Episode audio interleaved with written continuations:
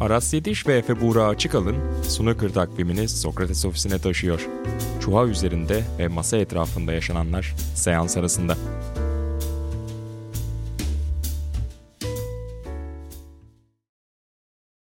Merhaba sevgili snooker takipçileri. Seans arasının 5. bölümüne hoş geldiniz. Ben Efe Buğra Açıkalın. Bugün Aras Yetiş'le beraber 2022'den akılda kalanları ve Masters'ın tarihini konuşacağız. Hoş geldin abi. Hoş bulduk Efe Buğra. Nasılsın? Görüşmeyeli. Görüşemedik çünkü bir süre. Yine gittin Evet. mi uzak doğuya? Yok bu sefer evdeydim. Bu sefer bir yere hareket etmedim. Ama evet takipçileri beklettik yine biraz. Birkaç tane mesaj gördüm hemen kayda girmeden önce. Tam da güzel denk geldi. Evet. Güzel bir bölüm çıkar bugün artık. Ama zamanlamamız iyi genel olarak. Güzel haftalar seçiyoruz. Bir işte Birleşik Krallık Şampiyonası'ndan sonra fazla ara vermek durumunda kalmıştık. Onun için zaten özür dileyelim. Ama sezonun en sevdiğim haftalarından bir tanesi bu benim açıkçası. Masters'ın olduğu hafta. Çok özel bir turnuva. Zaten birazdan buna değiniriz. Yeni yılı açarız. Resmi olarak Snooker'da yeni yılı açıyor çünkü Masters. Ama biz önceki yıla bir gidelim dedik bugün. Hatta yani sen bize ödül vermemiz için birkaç kategori çıkardın. Şimdi Evet oyuncuların haberinin olmayacağı ödüllerini dağıtacağız. Evet yani biraz kendi aramızda eğlenmek gibi olacak ama hem de seyircilerimiz daha doğrusu dinleyicilerimiz geçen yıldan neler aklımızda kaldığını, hangi özel anların yaşandığını hatırlamış olurlar. Ki onlar da bu arada sosyal medyadan bize gönderebilirler kendi kategorilerinde kendi seçimlerini. Gayet zaten sosyal medya üzerinden diyalogdayız her zaman. Bekleriz sezon ödüllerini ve yıl ödüllerini diyelim hatta yani daha ziyade. 2022. tabii. Bize katılıyorlar mı, katılmıyorlar mı açıkçası ben de merak ediyorum. Evet, yavaş yavaş geçelim istiyorsan. Gönder gelsin o zaman. Peki o zaman en unutulmaz anla başlıyorum. En unutamadığın an neydi geçen seneye dair?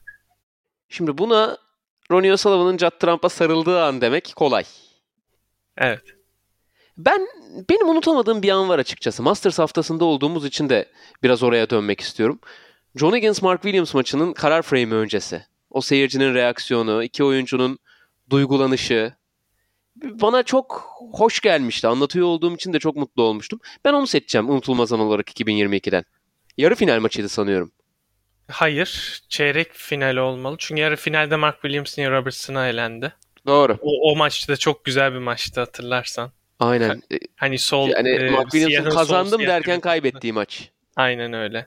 Valla ben şahsen herhalde dünya şampiyonası yarı finalinde Ronnie O'Sullivan John Higgins maçın maçını seçeceğim. Yani o o maçtaki Ronnie'nin sarı cebe kestiği o kırmızı ve ondan sonra siyaha ufak dokunuşu ve o frame'i siyah oyununa götürüp çalması. İşte o an orada bulunduğum için gerçekten çok çok özeldi.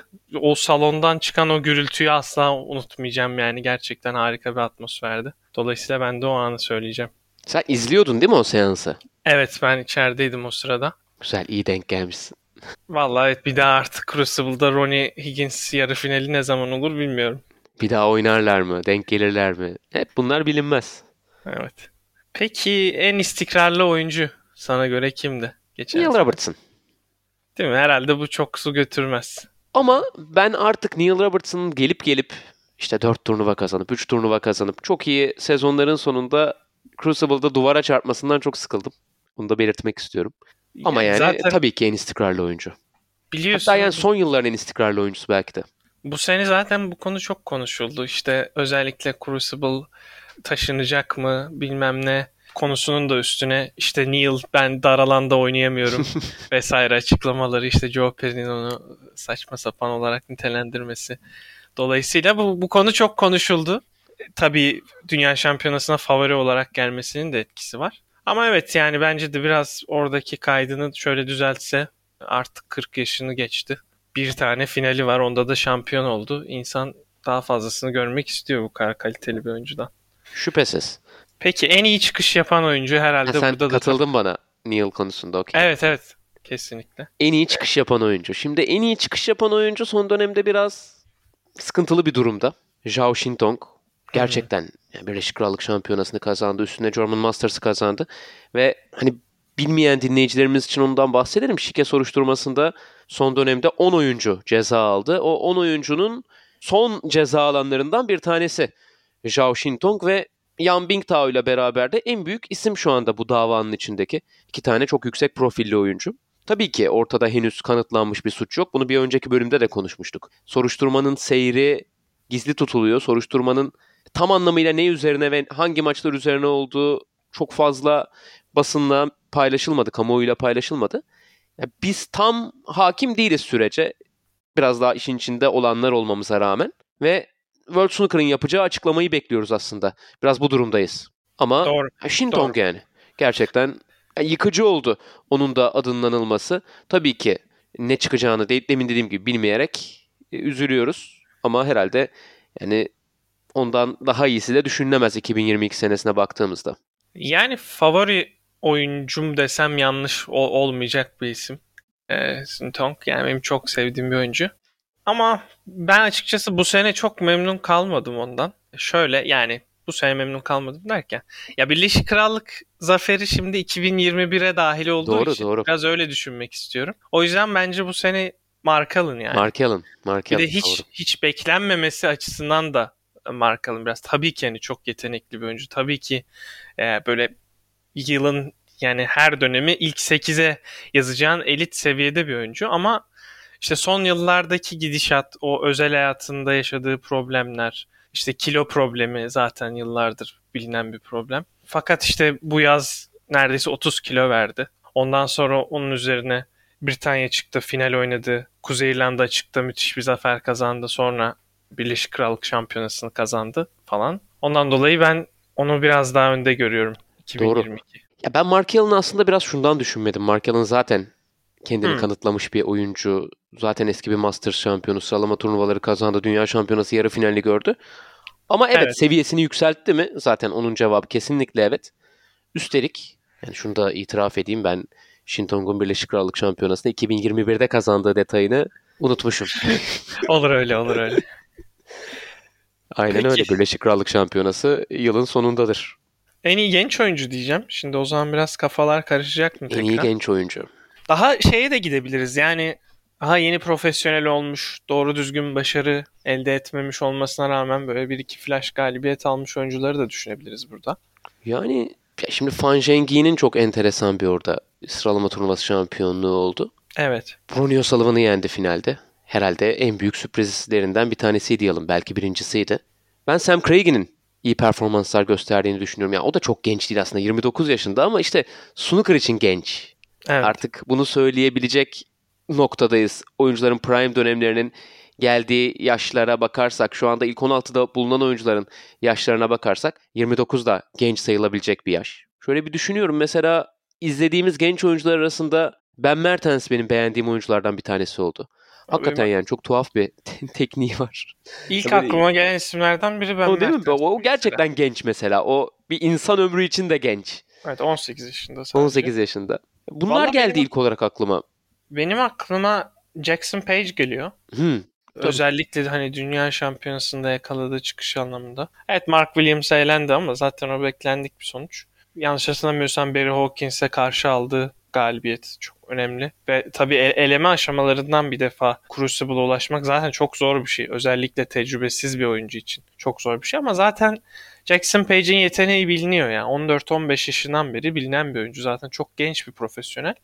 Ama böyle bir türlü o seviyeye atlama işini yapamamıştı. Bu sene sanki biraz e, onu gerçekleştirdi diye düşünüyorum. Hatta benim cevabım da farklıydı bu arada. Jackson Page şu an aklıma geldi yani. Sen ne diyecektin? Pang Jungsu diyecektim ben Hmm. aslında bu O da çok soruya. yetenekli. Evet bu sene de işte bir iki güzel galibiyet aldı. Ronnie'yi yendi. E, Neil Robertson'ı yendi falan. Ama henüz daha önemli bir başarı elde etme seviyesinde değil. Olacak, pişecek. Evet. En akılda kalan maksimum seri diyeceğim. Ben buna bu sezondan bir cevap vermek istiyorum. Marco Fo'nun maksimum serisi. Hong Kong Masters'ta yaptığı gerek seyircinin çok kalabalıktı yani 9000 seyirci civarı bir seyirci önünde yapılmıştı. E, gerek de maç içindeki önemine bakıldığında ben Marco Fo'nun maksimumu diyeceğim buna.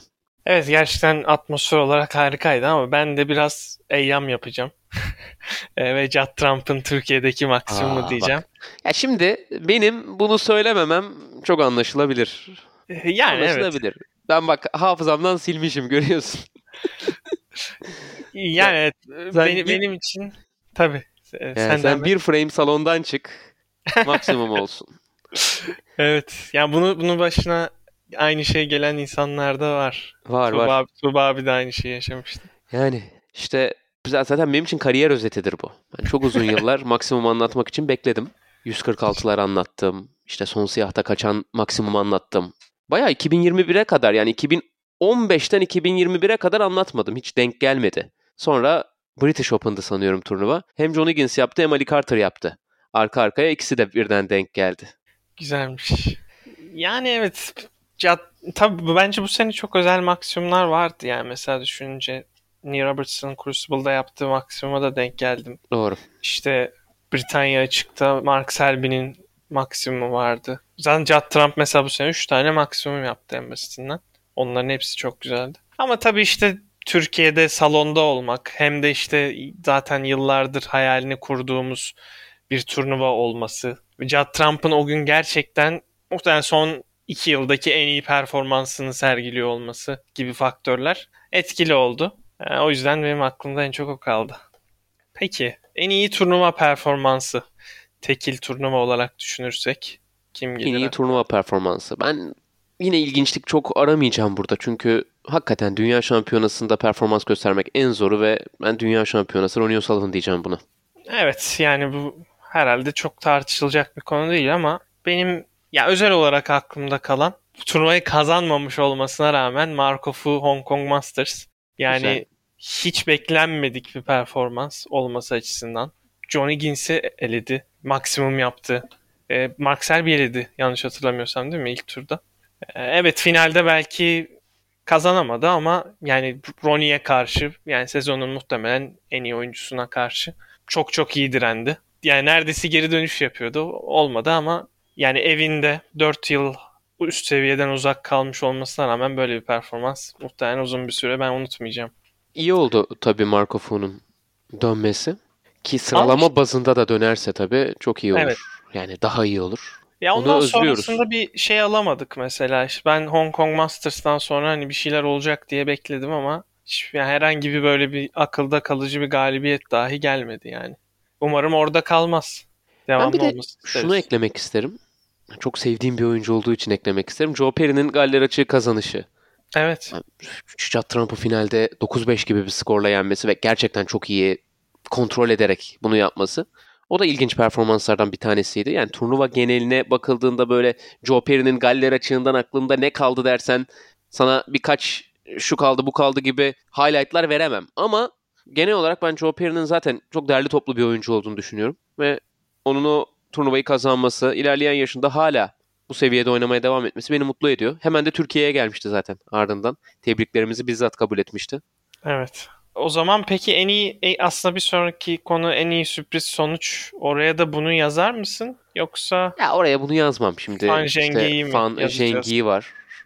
Ben daha sürpriz bir şey. Ben çok uzun zamandır hatırlamıyorum. Jordan Brown vardı mesela. O bile o kadar sürpriz o- değildi. onu bile geçti değil mi? Onu bile geçti. Çünkü Fan Zhengi turnuvayı kazandı. Ondan sonra 7-8 ay üstüne galibiyet almadı yani adam. Bu, bu bile zaten ne kadar sürpriz bir sonuç olduğunu açıklıyor. Gary Wilson için memnun oldum Evet. yine. O da sonuçta turnuva kazanmamış bir oyuncu olduğu için sürpriz diye nitelendirebiliriz. Wilson'ın kazanmasını. Beklenen sürpriz diyelim ama. Hani bir hediye gelecektir sana bilirsin ya gelecek. Evet. Öyle gibiydi biraz. Ya geçen bölümü bu arada dinlerken fark ettim ben. Yeterli donanıma sahip deyip bunu açıklamamışım Gary Wilson'la alakalı. Sonra neden işte turnuva kazanamadığıyla ilgili konuşup kendimle çelişmiş. Gary Wilson taktik anlamında gerçekten çok kuvvetli bir oyuncu. Yani bana kalırsa gerçekten belki en iyi taktiksel oyun sadece düşünüldüğünde turda ilk ona girebilecek seviyede bir oyuncu. Ki dönem dönem biliyorsun skor gücü de çok e, anormal şekilde artabiliyor. Bu üst üste yüzlük seri yapma e, rekorunu falan da egale etmişti. Sadece işte bir istikrar ve mental problemi var. Mental olarak ne kadar zayıf olduğundan bahsetmiştik zaten ama ya bu taktiksel anlamda bu kadar güçlü bir oyuncunun bugüne kadar turnuva kazanmaması çok şaşırtıcıydı. Bence de onun neticede gelmesi, o zaferin gelmesi güzeldi. Güzel bir konuya değindin aslında. Genelde taktiksel olarak güçlü oyuncular mental olarak da güçlü olur. Evet. O ilginç bir, bir şey. Mesela bence var. Dink de çok iyi bir taktisyen. O da mental olarak zayıf. Evet. Birkaç böyle örnek var. İşte Gary Wilson da onlardan bir tanesi. Senin parmak bastığın ama azlar. Evet düşündüğümde benim hiç aklıma gelmiyor. Çünkü mesela en iyi taktisyen diyeceğin adamlar John Higgins, Mark Selby, Steve Davis bunların hepsi aynı zamanda mental olarak da en güçlü diye nitelendireceğin insanlar. Ama bu, bu iki arkadaşta böyle bir çelişki var. Evet ben de fark etmemiştim yani. Kısmet diyelim. Ama Gary Wilson şeytanın bacağını kırdı kendi adına. Hani buradan sonra uçup kaçmayacaktır. Ben bir Bingham olacağını mesela düşünmüyorum ama Yok bence de. bir şeyler yapar. En azından rakiplerini biraz daha e, korkutur. Korku faktörünü arttırır. Ya bir de renk katıyor. Böyle adamlar renk katıyor. Hiç olmayacak yerde olmayacak.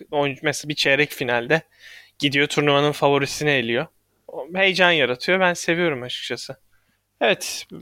Yılın vuruşu aklında var mı? Yılın böyle? vuruşu. Bu Düşünelim. sene mesela geçen seneler gibi bence net bir vuruş çıkmadı. Çünkü genelde ne olur? Böyle Judd Trump çok sansasyonel bir vuruş yapar ve onu seçip geçersin aslında. İşte mesela German Masters'taki vuruşu vardı ya iki sene önce. Fizik kurallarını büktüğü. Hatta Jimmy White'ın çok o şey değil mi? sevmediği, Çok fazla sırtla yaptığı Aynen. ve beyazı sonrasında durdurduğu. beyazı durdurma reaksiyonu verdiği. İşte Neal'ın deneyip yapmakta zorlandığı vuruş. Evet. Emre Yazıcıoğlu'nun deneyip yapmakta zorlandığı vuruş. O da kaliteli bir oyuncudur. Evet Emre abim beni birkaç kez yenmişliği vardır. Senin var mı aklında? Ya bu seneye dair ben de gerçekten zorlandım. Böyle 5 vuruş falan toplamaya çalıştım. Mark Williams'ın Judd Trump'la oynadığı maçta yaptığı bir vuruş vardı işte. Yeşile pozisyon aldığı bir vuruş vardı böyle masayı dolaşıp. O aklıma geliyor. Mark Selby'nin 147 için yaptığı vuruş kırmızı aklıma geliyor. Ama çok da kolay değil. Veya işte Mark Allen'ın bu 5 band kaçışı çok viral olmuştu. Britanya açıktaki hatta tekrarını falan çektirmişlerdi hatırlarsın belki. Aynen. Ya bunlar aklıma geliyor ama hiçbir içinde şu en net yılın vuruşu demek e, kolay değil. Ben Ronnie O'Sullivan'ın bir vuruşunu hatırlıyorum. Dünya şampiyonasından John Higgins'e karşı sarı cebe bir uzun pot yapıp sonra beyazı siyahla pembenin arkasına doğru çok güzel getirmişti. E, Belki hatırlarsın. Şey Hatta mi? şu- 3 bant. O değil. Ondan daha önce olmuş maçta. Şu anda açtım karşıma. Senin 3 bant dediğin pembeyi attıktan sonra 3 bant dolaşıp sağ siyah cebin köşesindeki kı- yakın Evet. kırmızıları açıyor. Sen o vuruşu Aynen o. diyorsun. Aynen. o. Benim dediğimde aynı maçta biraz daha öncesinde sarı cebe yaptığı vuruş. Sarı cebe atıyor, çektirerek sonrasında pembe ve siyahın olduğu yere pozisyon alıyor. E bu benim az önce bahsettiğim vuruş zaten şeydi. Bana da o zaman tebrikler. Sen söylediğin anda kafamda canlanmayan vuruş. En iyi vuruşu düşününce kafamda canlandı. Evet o yani o an gerçekten çok unutulmazdı yani katılıyorum. O bence de yılın en iyi vuruşlarından bir tanesiydi. Ee, Tebrik ve- ederim. Ronnie O'Sullivan'ın birçok ödülde yine karşımıza o çıkıyor. Evet evet evet kesinlikle. Ya şeyi hatırlıyor musun böyle o frame'i yani masayı temizledi. Sonra siyah oyununa gitti. Siyah oyununda da kazandıktan sonra böyle kameraya şöyle bir hareket yaptı. içeri giderken. Yani o hırs Ronnie'den çok görmezsin aslında bunu. Yani göstermez pek dışarı. Ya bence çok özel bir andı o anlamda. Ben bu arada buradan biraz zaten zaten Masters'a bağlayacağız. Ben bugün çok iyi gördüm Ronnie O'Sullivan'ı. Maç sonundaki açıklamalarını da çok olumlu buldum. Hakikaten Evet. yani rakip olmak istemeyeceğiniz Ronnie modunda şu an. Katılıyorum. Katılıyorum. Ee, ne demişti şey? Daha fazlası için geleceğim. E, Gelmemi Yani bekleyin. zaman zaman motivasyonum olmadığına dair şeyler söylüyorum. Çünkü aslında snooker'ın bende yarattığı tahribatı, bende yarattığı hayal kırıklığını yaşamayı sevmiyorum. Bir itiraftır bir yandan bu. Evet. çok içten bir şey söyledi. Yıllar boyunca çünkü çok sık yaptığı bir şey. Oyunu önemsemediği, fikri düşüncesi yarattı seyircide ama aslında ne kadar önemsediğini kendi söyledi. Ve şu anda ne kadar önemsediğini oyunuyla da gösterdi Luca Bresel'e karşı. Diyeyim yani Masters'ın büyük favorilerinden, favorilerin favorisi zaten her zaman. Ronnie.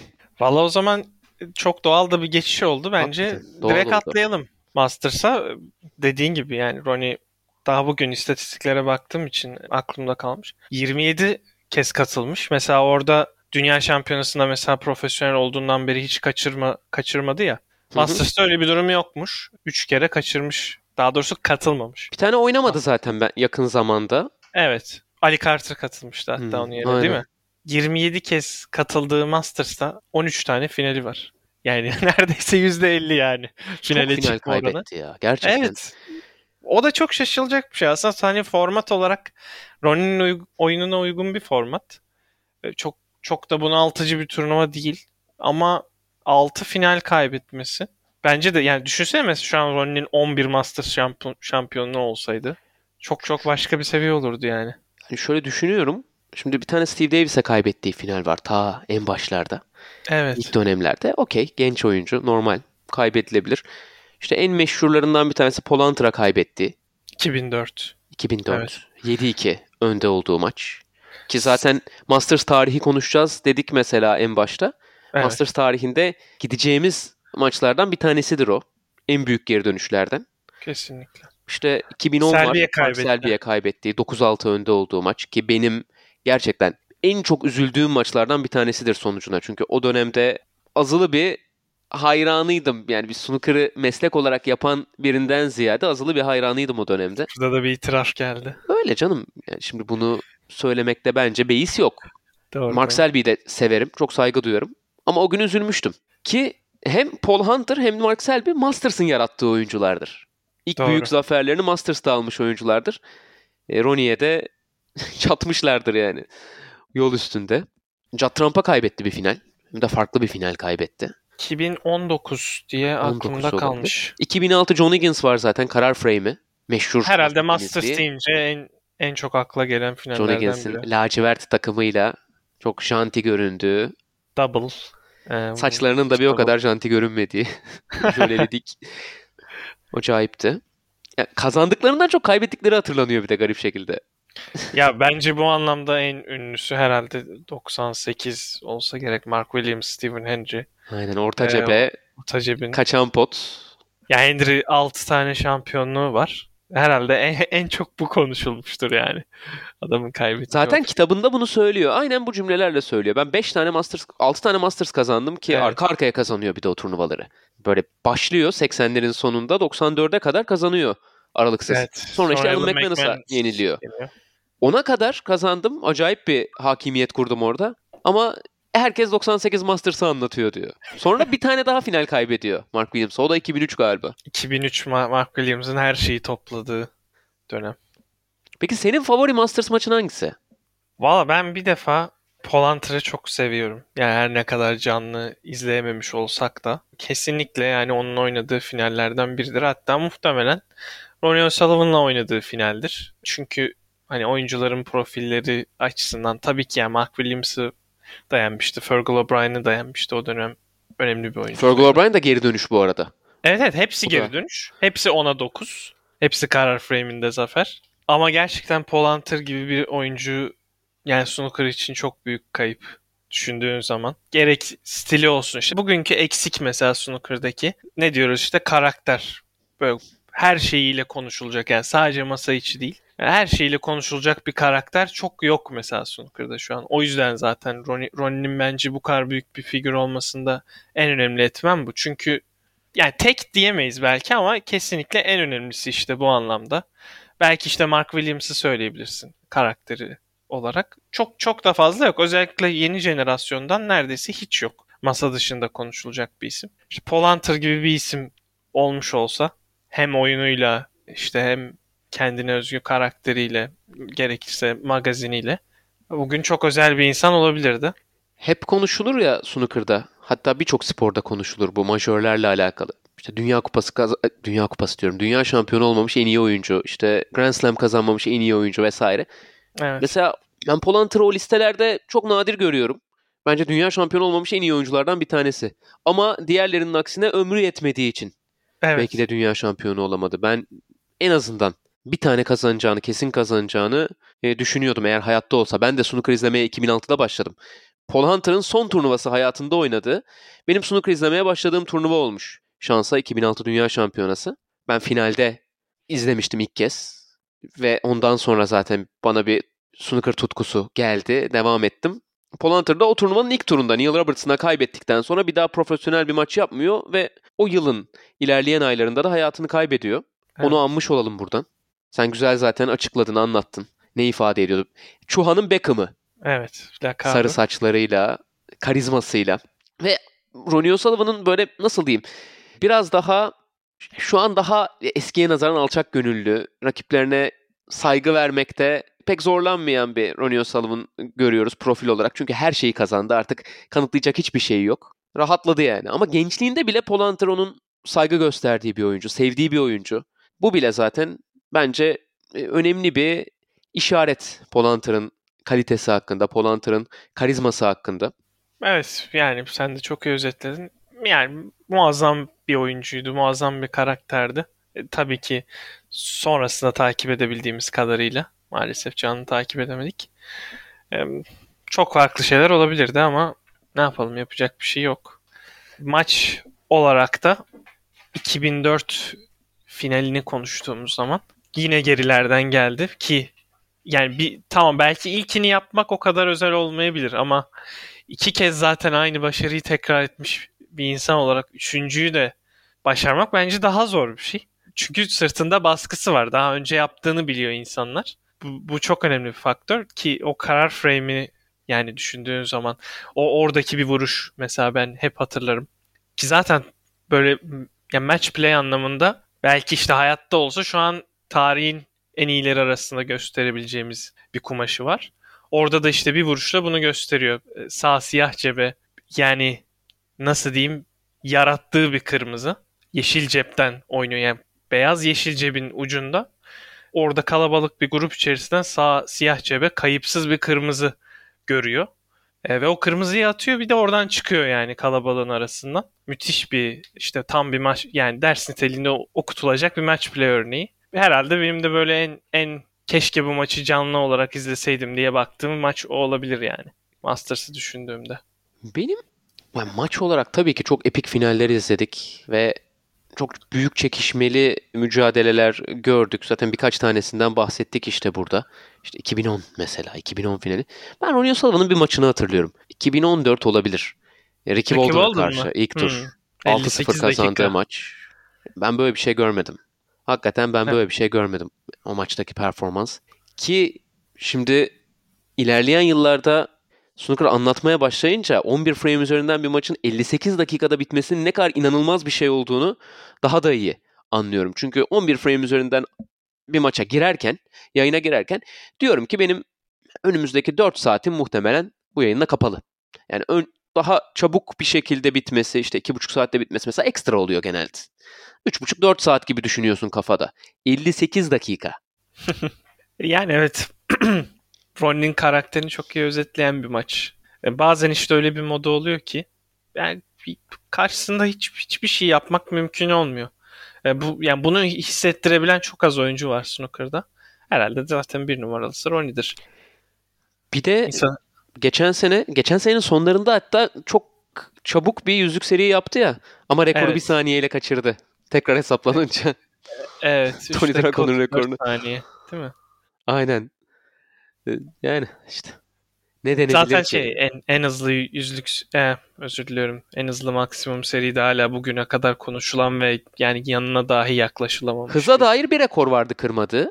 Evet. O da, o buydu. da buydu. Çünkü en hızlı evet. Best of 7 yani 7 frame üzerinden en hızlı maç da Ronnie'nindi. Zaten en hızlı 11 frame üzerinden maç da onun. 9'u bilmiyorum açıkçası dürüst olayım. Ama muhtemelen yakındır. En azından en hızlılardan biri ondur. En hızlı yüzlük seri onda değildi ve Tony Dragon'unki gerçekten iddialıydı. 3,5 dakika civarı. Ronnie çok yaklaştı. Hatta ben kırdı diye düşündüm rekoru ama kırmamış.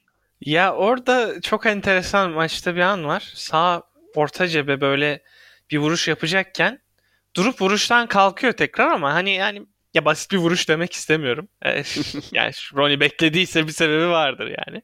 Ama bilmiyorum belki de karşısından bir seyirci hareket etti. Bir şey oldu ona durdu yani. Hiçbir fikrim yok. E, çünkü göremiyoruz neticede o tarafı. Bir belirgin bir rahatsız edici bir ses de gelmiyor ama kalkıp düşünüyor yani.